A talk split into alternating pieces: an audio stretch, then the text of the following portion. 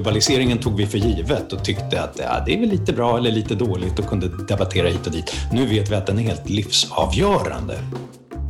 Vi vet att allt står på spel för oss och våra nära och kära och då är man beredd att förändra vad som helst.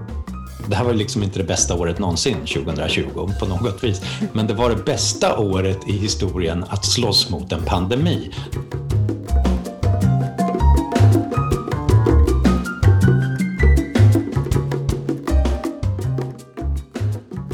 Hej och välkomna till Esplanad, podden om staden, trafiken och framtiden, producerad av Trivector. Caroline Ljungberg Tholsson heter jag och idag har jag med mig, på distans såklart, Johan Norberg. Välkommen till podden Johan. Tack så mycket. Ja, trevligt att ha dig här, om än genom skärmen här. Johan är författare och redaktör för ett stort antal böcker om ekonomi, historia, globalisering, frihandel. Eh, och dessutom så är eh, Johan debattör och hans stora intressen brukar beskrivas liberalism, kapitalism och globalism. Vi, vi befinner oss i en, i en minst sagt speciellt läge med eh, coronapandemin, trots att vi har varit i den i, i snart, eller i ungefär ett år. Hur har det varit för dig? Vad har, hur är läget och vad har varit den största förändringen? Jo, tack. Jag har bekräftade antikroppar så att jag känner mig säker för ögonblicket Skönt. på det här viset. Mm. Vågar till och med gå ut och träffa en kompis då och då. Men eh, jag har ju en frilanstillvaro som innebär att en, hälften av min tillvaro går åt till att sitta hemma, läsa och skriva och andra hälften att resa runt och föreläsa. Och eh, göra dokumentärfilm för amerikansk TV. Mm. Och man kan väl säga att 50 procent av allt jag gör försvann här ja. över en natt. Så nu sitter jag bara hemma och läser och skriver. Så det är tur att jag har en rätt introvert personlighet och, och trivs med att bara stoppa ner näsan i en bok. Härligt. Ja, men det har väl, eh, det har väl varit den största förändringen för oss alla, att vi inte får vara ute och träffa folk. Om jag har läst rätt så, så var din första corona-upplevelse ett samtal du fick när du var i USA om att din flyggranne fått covid-19. Och då blir man ju nyfiken, vad, vad, hur gick det sen? Eller vad, vad hände sen? Ja, det, det, var verkligen i den här allra första vågen när det talades om att det kanske skulle komma till Sverige och det var lite osäkert. Och då var det en eh, liten tripp som jag hade, hade ju oturligt nog varit i österrikiska alperna precis när det var som värst och uppenbarligen så hade någon flyggranne haft det och då, då börjar man inse att det är på riktigt om de börjar ringa runt på det där viset. Mm. Den gången fick jag det inte utan då var mitt stora problem istället att hur jag skulle ta mig hem från USA för det var ju när världen började stängas. Mm. Jag höll på att göra en dokumentärfilm dessutom och det var sådär så att varje stad vi var i stängdes i backspegeln när vi taxade ut på flygplatsen på något sätt. Och ofta var det sista flygplanet iväg. Och eh, mina hembiljetter de stängdes och några flyglinjer stängdes fullständigt. Så att till slut blev det så att jag fick flyga, vad var det? Det var någonting Houston till Boston till Washington DC till Island Oj. och sen hem från Island inte den smidigaste vägen kanske. Men, eh, men hem kom du. Ja. Till slut. Tur att jag hade med mig något bra att läsa på vägen. Ja, precis. Flera böcker hoppas jag. Um, på tal om, om eh, uh, stängda, du sa det här med stängd, det stängdes efter dig, för det var precis då man började stänga ner allting. Så släppte du ju väldigt vältajmat, får man väl säga, under förra året en bok uh, som heter Öppen sluten. Och på engelska heter den väl bara Open. Um, och en sak som har hänt under den här pandemin är ju frågan om globaliseringens konsekvenser. Eh, och i takt med att smittspridningen pågår så kan det ju kännas som att man bör, eller att vi bör begränsa öppenheten och skriva ner handelstempot och bara stänga alla gränser. Eh, men du menar att det är precis tvärtom. Varför då? Mm. Ja, det gör, jag, det gör jag av två skäl. Och det första är att jag tycker att vi nu har sett eh, ett så här, globalt fullskaletest på hur en icke-globaliserad värld skulle se ut. Mm. Därför att vi stängde allting, rörligheten, transporterna, handeln, avbröt allt detta under ett, en, ett halvårs tid. Och eh, det var ju bara en teoretisk möjlighet som vi har debatterat ganska länge. Nu tycker jag att vi har fått in beviset. Det är en fruktansvärd värld som det leder till.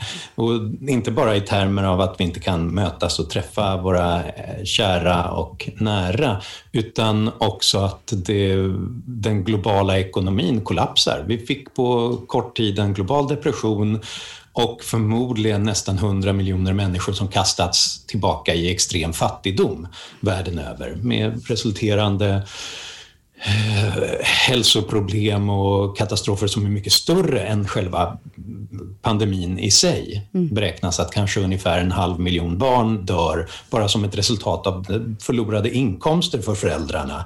Eh, att man inte går i skolan, att man inte får näring, man får inte de traditionella vaccin som man behöver. Så jag tycker att det här bevisar att globaliseringen tog vi för givet och tyckte att ja, det är väl lite bra eller lite dåligt och kunde debattera hit och dit. Nu vet vi att den är helt livsavgörande för oss, att vi upprätthåller detta.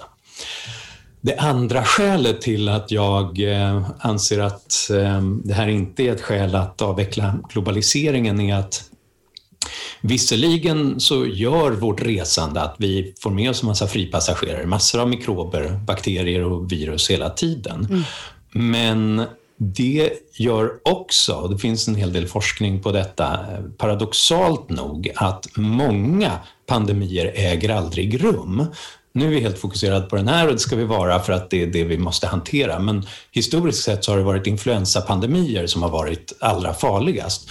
Och då visar modeller från bland annat universiteten i Tel Aviv och Oxford att ju mer vi reser och rör oss, desto fler mikromutationer av influensavirus sprids hela tiden. Så vi hostar och snörvlar på varandra hela tiden. Och det låter ju trist och, och jobbigt. det det. Men, det, ja, men det gör också att inget virus utvecklas isolerat under så pass lång tid med så många mutationer att det blir en riktig global dödsbringare som sen kan ta sig över jorden och som vi inte har utvecklat någon korsimmunitet emot, vilket vi gör mot alla de här små mutationerna som sprids. Och det är därför som, menar, när det var svininfluensa senast, 26 av de 30 värst drabbade länderna var önationer. Mm. För att de hade aldrig fått de här små hostningarna och nysningarna på sig hela tiden. Så då kunde en ny stor mutation bara plötsligt eh, Eh, bringa död i väldigt stor skala. Eh, det här hjälper ju inte alltid. Det hjälper ju inte när det hoppar ett nytt virus från djurvärlden till mänskligheten. Men det är ändå ganska bra att tänka på det att vi, vi har inte fått en ny spanska sjukan under de senaste eh, hundra åren som ju dödade kanske upp mot hundra miljoner människor och med dagens befolkning kanske upp mot en halv miljard. Jag vet att du har ju eh, i en annan av dina böcker, eh, Framsteg, tio skäl att se fram emot framtiden. Eh, är ju en väldigt positiv bok eh, som beskriver hur vi har gjort alla de här framstegen. Eh, och, och, där vi har gått framåt i utvecklingen under de senaste åren på ett sätt som vi tidigare aldrig har gjort. Men du menar att nu, nu, nu tar vi faktiskt några steg bakåt? Mm. Mm. Ja, det gör vi i och med att framsteget är ju inte automatiskt. Det sker ju inte av sig själv, Nej. utan det bygger ju på att vi gör något speciellt. Det speciella det är ju mänsklig kreativitet, mänskligt utbyte, samarbete och handel som gör att vi har massor av innovation och vi har massor av imitation så att vi kan plocka upp de här sakerna. Men det förutsätter ju en öppen värld. Det förutsätter ju eh, öppen fri forskning. Det förutsätter att vi har öppen fri handel med andra så att vi hela tiden bygger på eh, kring detta. Nu så har vi satt mycket av detta ur spel. Mm. Lyckligtvis inte den fria forskningen och det ska vi vara tacksamma över och det kan vi tacka för att vi har de vaccin vi har redan nu. Men däremot eh, handeln, investeringar, rörlighet över gränser har kollapsat under eh, den här tiden och då får vi också stora bakslag eh, mm. ekonomiskt och socialt. Mm. Jag vet, och du sa det själv och jag läste det att du sa att hela 2020 kan liknas vid ett, ett globalt test om hur, vi, hur det är att få leva i en icke-globaliserad värld där vi inte har möjlighet att resa och handla och producera varor för världsmarknaden. Eh, hur skiljer sig det här från tidigare pandemier? Ja, det är ju lustigt att den här boken Öppen sluten, då, den skrev jag ju egentligen klart den första eh, varianten innan pandemin kom. Ja, jag men, det. Mm. Men, men däremot så, en av slutsatserna är ju att eh, öppenhet har skapat mänskliga framgångar, framsteg från Mesopotamien och romarriket och framåt till vår tid. Men med jämna mellanrum får vi bakslag och de kommer ofta i kristid och en av de kriser som jag tar upp i boken är just pandemier. Mm. Vad som brukar hända är att vi blir rädda för omvärlden. Vi blir rädda för andra människor och för handel och beroende av omvärlden. Och det brukar resultera i att vi eh, det är en slags sådär fight or flight-instinkt nästan, att vi vill eh, slåss mot någon, hitta någon syndabock, något land, något läkemedelsbolag att bråka med. Eh, och vi vill gömma oss bakom murar och tullmurar. Och det, det brukar plocka fram den här lilla nationalisten inom oss alla. Det mest absurda exemplet och därför mest illustrativt egentligen, det är ju när vi fick syfilis i Västeuropa på 1500-talet. Så då var det ju först franska soldater som upptäckte det när de ockuperade Neapel. Så de kallade det den italienska sjukan och skyllde på italienare. Men sen tog de hem det till Paris och då började vi svenskar och andra säga att det är den franska sjukan. Eh, och italienarna och fransmännen gillade ju inte det där, eh, så de skyllde istället på spanska sjömän. Så det blev den spanska sjukan. Men spanjorerna de tog istället fasta på ett tyskt utbrott och kallade det för den tyska sjukan. Och det gjorde polackerna också. Så tyskarna hämnade sig genom att kalla den för den polska sjukan.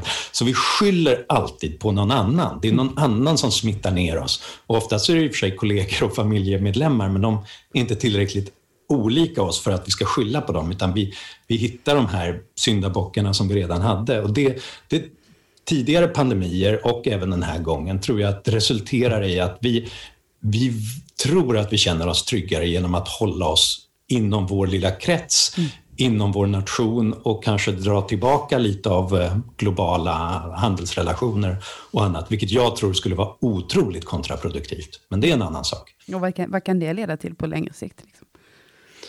Jo, faran är ju eh, med att det, det finns mycket av sådana här resonemang i, ja, i EU, i USA, i Kina, i Indien. Nu ska vi dra hem mer produktion på hemmaplan.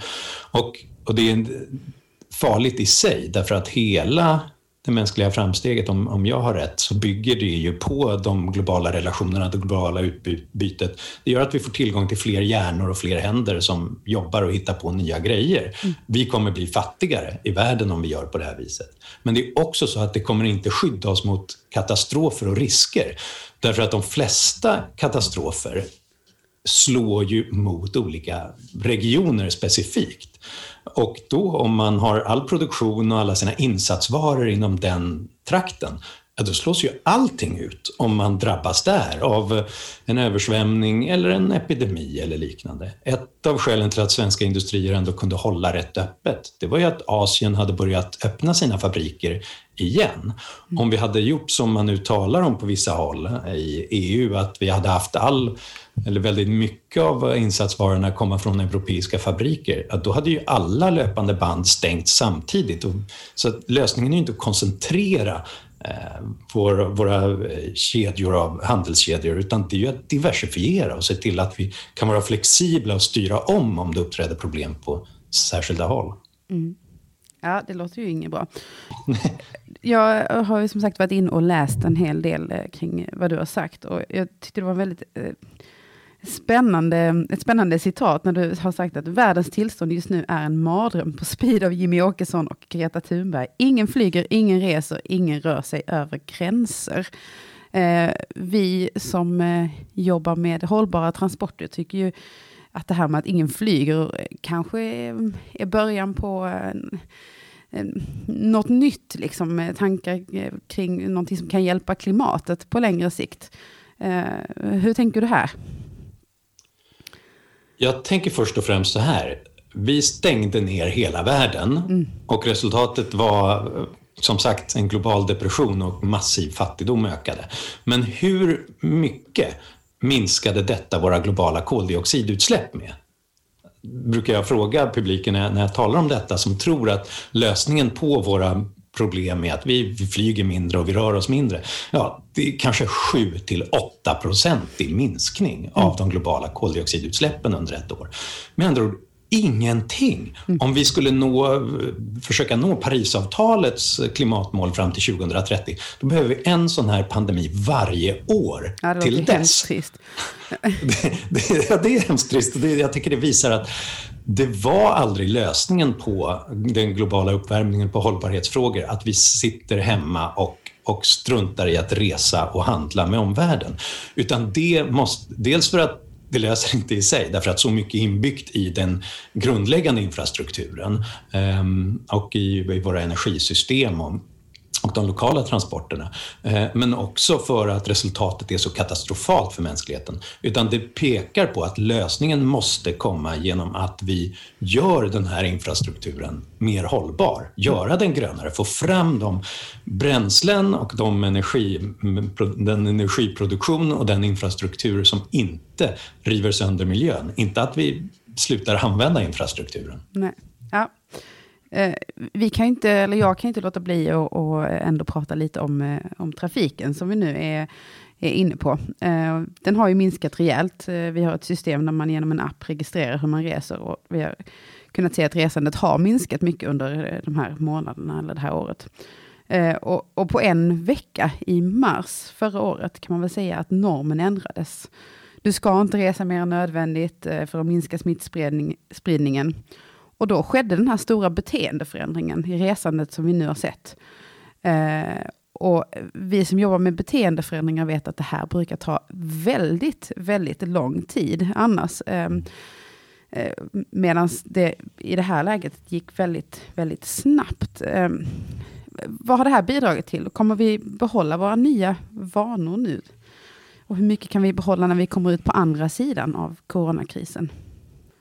Det finns ett gammalt eh, uttryck från Samuel Johnson om att utsikten att man ska bli avrättad, hängd imorgon, fokuserar, koncentrerar hjärnan väldigt rejält. Och då förändrar man beteende snabbt. Och ja. det är väl det vi har sett här. Det har handlat om liv och död. Det har Exakt. handlat om att eh, vi vet att allt står på spel för oss och våra nära och kära. Mm. Och då är man beredd att förändra vad som helst. Precis. Mer än om det är en abstrakt farhåga eller vilja att, eh, att förändra samhället eh, åt det ena eller andra hållet. Och jag är inte säker på att det kommer att bevaras i det långa loppet, när vi kommer ur detta, när vi får vaccin på plats och, och annat. Därför att vi kan ju också märka den här otroliga viljan att bara få träffa varandra igen och oh längtan. Eh, det är ju inte bara ekonomiskt, det handlar ju också om vår mentala hälsa och hur människor mår när man sitter isolerade. Så jag tror att vi vill ut och träffa varandra.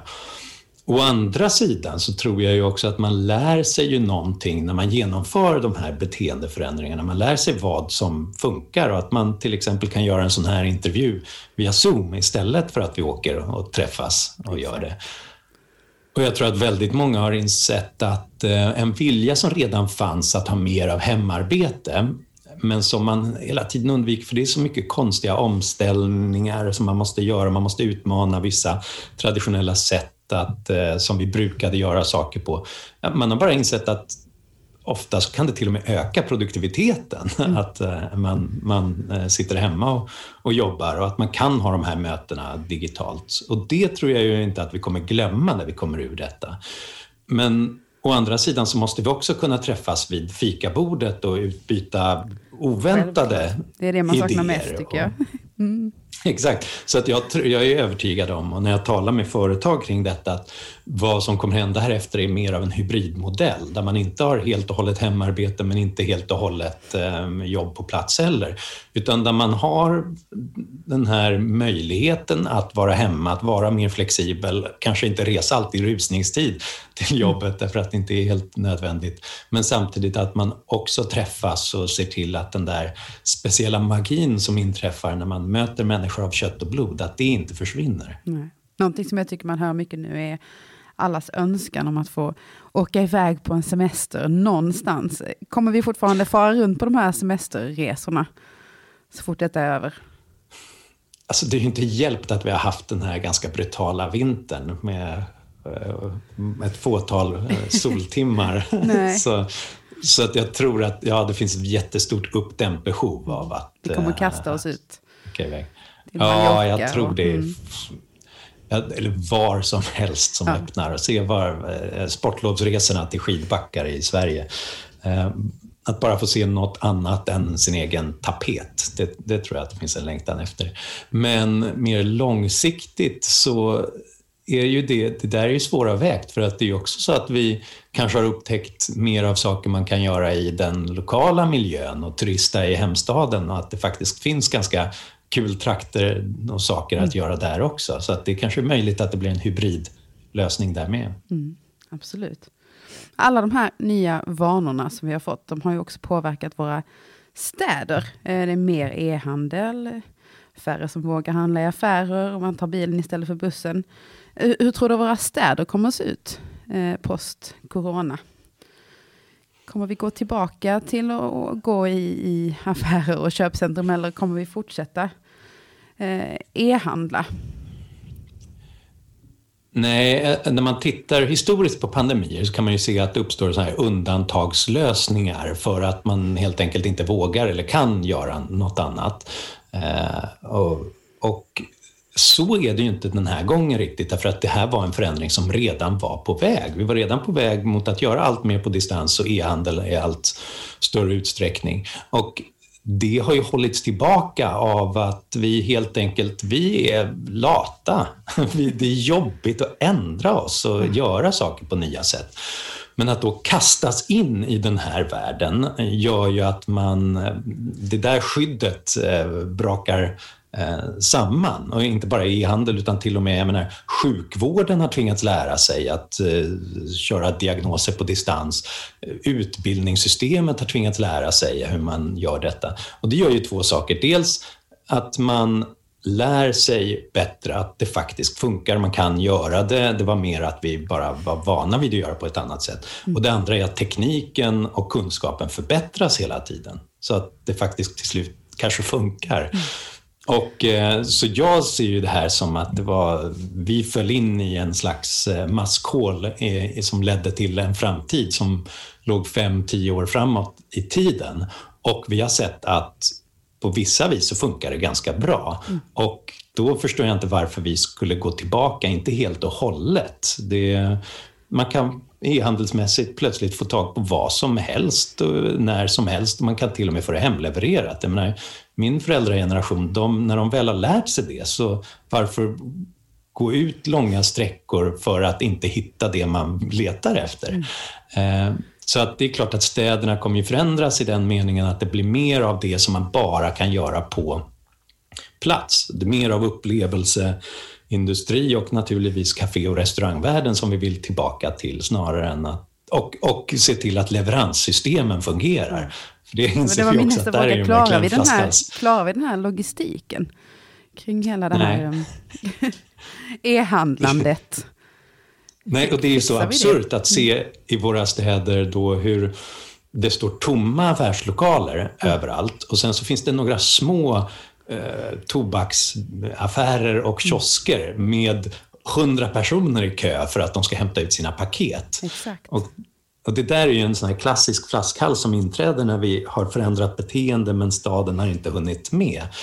Och det där måste ju skakas om och eh, förändras. Och det finns ju många sådana små experiment om, med allt från eh, att, att olika bolag har sina egna eh, kontroll över sina egna eh, uthämtningsställen till eh, obemannade stationer. Och jag vet inte vad som kommer att eh, segra i, i längden och det kanske blir en blandning. Men det, vi behöver de experimenten för att som det är idag så funkar det inte. Mm.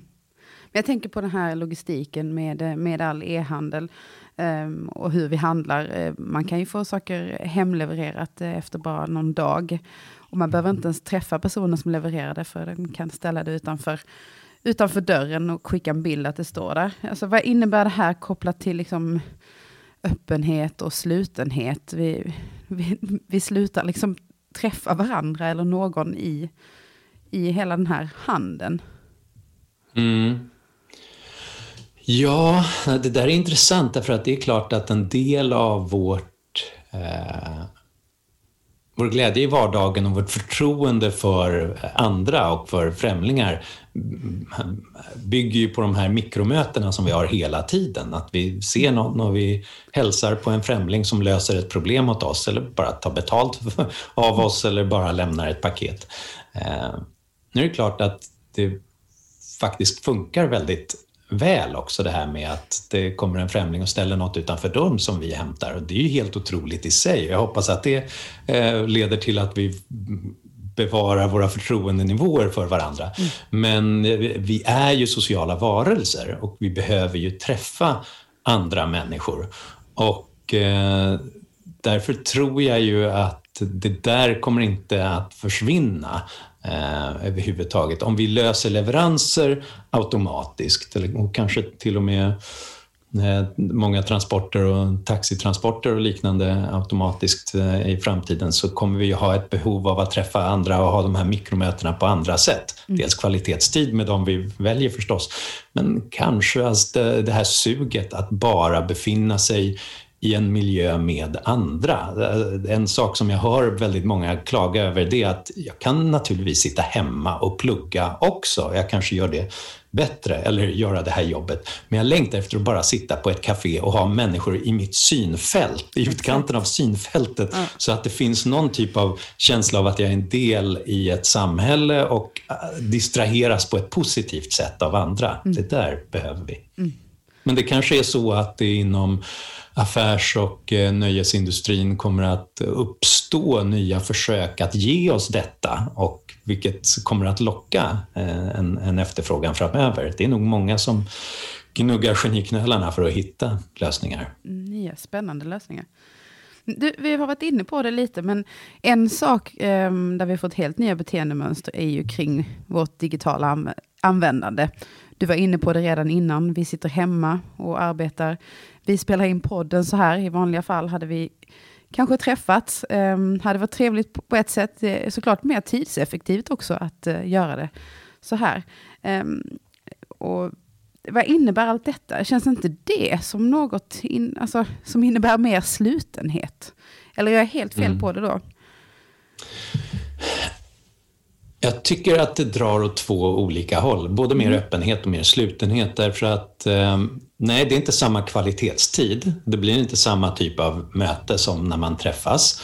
Och det är framförallt skulle jag säga det är svårare att träffa personer som man aldrig har träffat på det här viset.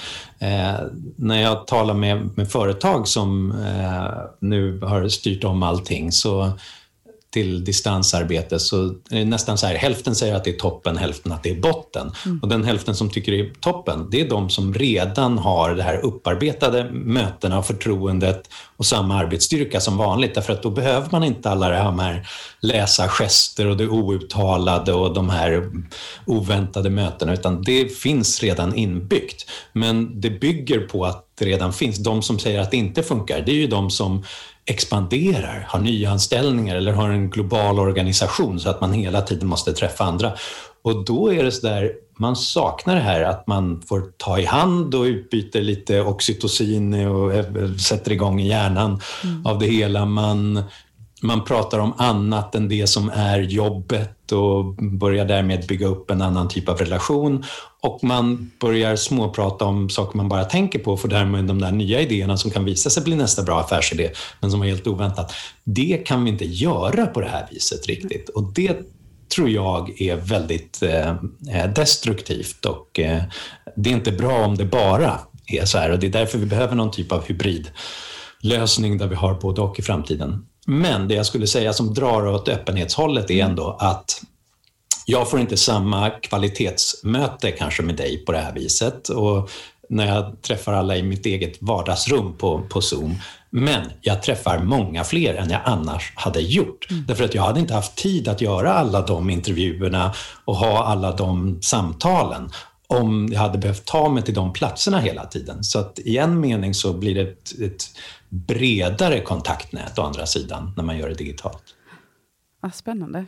mm, en hybridlösning alltså i framtiden som innebär både öppenhet och sl slutenhet. Men där vi troligtvis kommer att vilja träffas på något sätt. Eh, det börjar så smått bli dags att avsluta det här eh, avsnittet av eh, Esplanad. Vi skulle kunna prata om det här hur länge som helst. Eh, men jag, vad jag funderar på är, eh, finns det någonting eh, som vi kan ta med oss från den här krisen när vi pratar post-corona? Alltså, vad, vad blir det viktigaste vi kommer att ha med oss när vi tittar bak i backspegeln? Jag tror att det är några olika saker som vi tar med oss.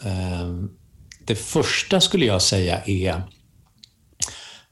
allt det vi tar för givet i vardagen. Att mm. fästa lite mer värde vid det och kanske lite mer tacksamhet eh, mot det. Och det handlar om allt från att få träffa sina kollegor och sina nära och kära eh, till alla de frukter som skapas varje dag av eh, den globala ekonomin och den globala handeln.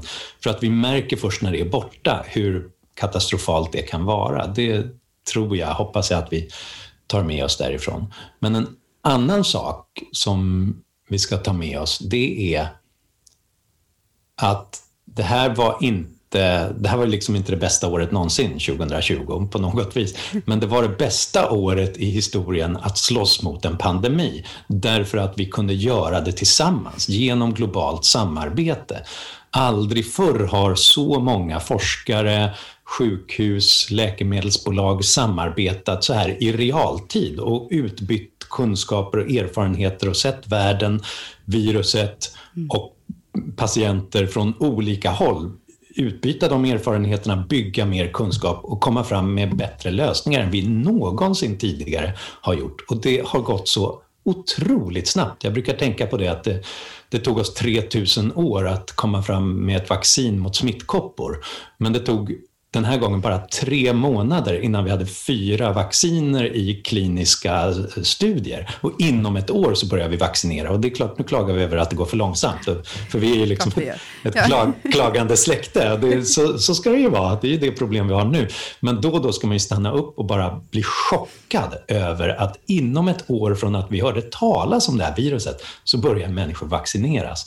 Och det tycker jag ska lära oss att eh, globalt samarbete, fler ögon ser mer och fler hjärnor tänker snabbare och när vi kopplar ihop oss, eh, kinesiska forskare med tyska biotekniker med amerikanska läkemedelsbolag och svenska sjukhus. Jösses vad mycket mer vi får gjort. Mm. Så det, det här med globalisering och globalt samarbete, det ska vi ägna några tacksamhetens tankar. Spännande. Så vi lär oss det som vi allt det vi brukar ta för givet ska vi komma ihåg. Och, och att faktiskt 2020 var det bästa året för att faktiskt ta hand om en sån här pandemi. Och det är eh, genom globalt samarbete som vi har lyckats få fram eh, vaccin så snabbt. Stort tack för att du ville gästa det här avsnittet av Esplanad, Johan. Tack så mycket, det var ett rent nöje. Vill du veta mer om podden eller om Trivector? Besök då trivector.se. Och har du tips eller tankar om podcasten? Hör av dig till esplanad.trivector.se.